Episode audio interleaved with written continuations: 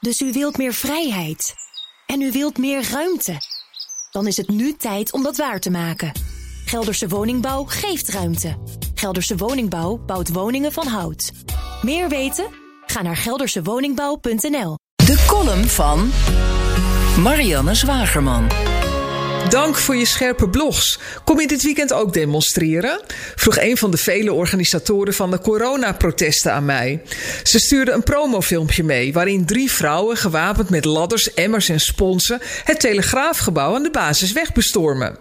Terwijl zij de ramen lappen, komt de zin: kunnen we de media nog wel vertrouwen in beeld? Het was de afzender blijkbaar even ontgaan dat ik geen blog schrijf, maar columns.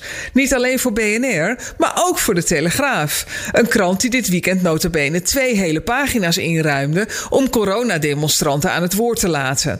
Maar het is nooit genoeg. Net als Hugo de Jonge en Ab Osterhaus zijn de demonstranten pas tevreden als de hele krant vol staat met hun waarheid en alle centheid wordt gevuld met hun kijk op de wereld. Het lijkt misschien ludiek met sponsjes een krantenredactie opzoeken, maar het getuigt van geen enkel historisch besef om op te rukken naar een mediabedrijf waar nog maar een paar jaar geleden een brandende auto de gevel ingeboord werd door mensen die het ook niet eens waren met de berichtgeving. Het is wel verdomd opmerkelijk dat een groot gevaar voor de vrije pers juist uit de hoek komt waar ze het hardst schreeuwen dat de pers niet vrij is, schreef de hoofdredacteur van de Groningse site Sikkom, Willem Groeneveld, nadat hij een beetje was bijgekomen van de aanslag op zijn huis twee weken geleden.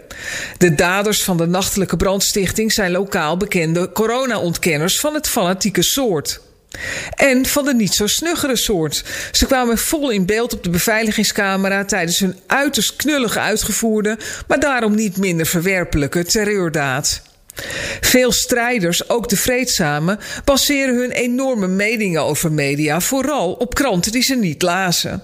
Ene Stefan demonstreerde dat van de week bijvoorbeeld toen hij zich mengde in een Twittergesprekje dat ik had met Volkskrantjournaliste Esma Linneman. Hij dicteerde haar een lijstje van zaken waarover zij zou moeten schrijven. Want jij bent toch van de Volkskrant, dus wellicht kan je iets aan journalistiek doen. Ideetje? Toen ze direct een relevant linkje postte van een doorvrocht artikel, was zijn reactie: Heb je ook een leesbaar linkje voor niet-Volkskrant-abonnees?